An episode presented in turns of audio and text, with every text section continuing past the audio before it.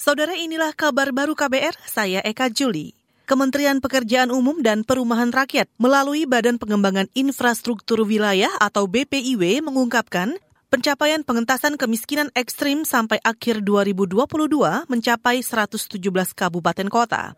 Kepala Badan Pengembangan Infrastruktur Wilayah Yuda Mediawan mengatakan, dalam usaha pengentasan kemiskinan ekstrim, lembaganya memiliki tiga tahapan utama, yakni pengolahan data, survei kolaborasi, dan penanganan. Ia mengklaim tahap tersebut dinilai cukup baik dalam upaya menekan angka kemiskinan. BPW sebagai koordinator dan integrator penanganan kemiskinan ekstrim di Kementerian PUPR sejak tahun 2021. Hingga akhir tahun 2022, penanganan kemiskinan ekstrim mencapai 117 kabupaten atau kota dari target 212 kabupaten kota. Kepala Badan Pengembangan Infrastruktur Wilayah atau BPIW di Kementerian Pekerjaan Umum Yuda Mediawan menambahkan, lembaganya akan terus berupaya untuk mencapai seluruh target pengentasan kemiskinan ekstrim. Ia juga menyebut terkait data target kemiskinan ekstrim, pihaknya bekerja sama dengan Kemenko PMK dan BKKBN. Kita ke Riau, Badan Penanggulangan Bencana Daerah atau BPBD Provinsi Riau menemukan lebih dari 600 titik api kebakaran hutan dan lahan atau hotspots sepanjang tahun ini. Dalam penanganan karhutla di Riau ini, BNPB mengerahkan 5 unit helikopter untuk pemadaman dengan waterbombing atau bom air dan patroli.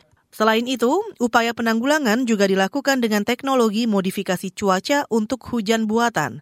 Provinsi Riau telah menetapkan status siaga darurat karhutla sejak Februari 2023 dan disusul dengan pembentukan Satgas Khusus Kebakaran Hutan dan Lahan. Kita ke mancanegara. Dua negara bagian Nigeria mengurangi jumlah hari kerja bagi pekerja publik menyusul kenaikan biaya transportasi, makanan, dan kebutuhan lainnya.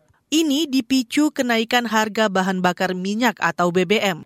Dikutip dari Antara, negara bagian Edo di selatan dan Kwara di barat Nigeria mengumumkan pemberlakuan tiga hari kerja dalam sepekan akibat kenaikan harga BBM. Otoritas di negara bagian Edo menyebut tingginya biaya transportasi dan makanan menggerogoti upah pekerja selama dua pekan setelah pemerintah federal mengumumkan penghapusan subsidi BBM. Kebijakan tiga hari kerja dalam sepekan itu dimaksudkan untuk mengurangi beban masyarakat. Saudara demikian kabar baru, saya Eka Juli.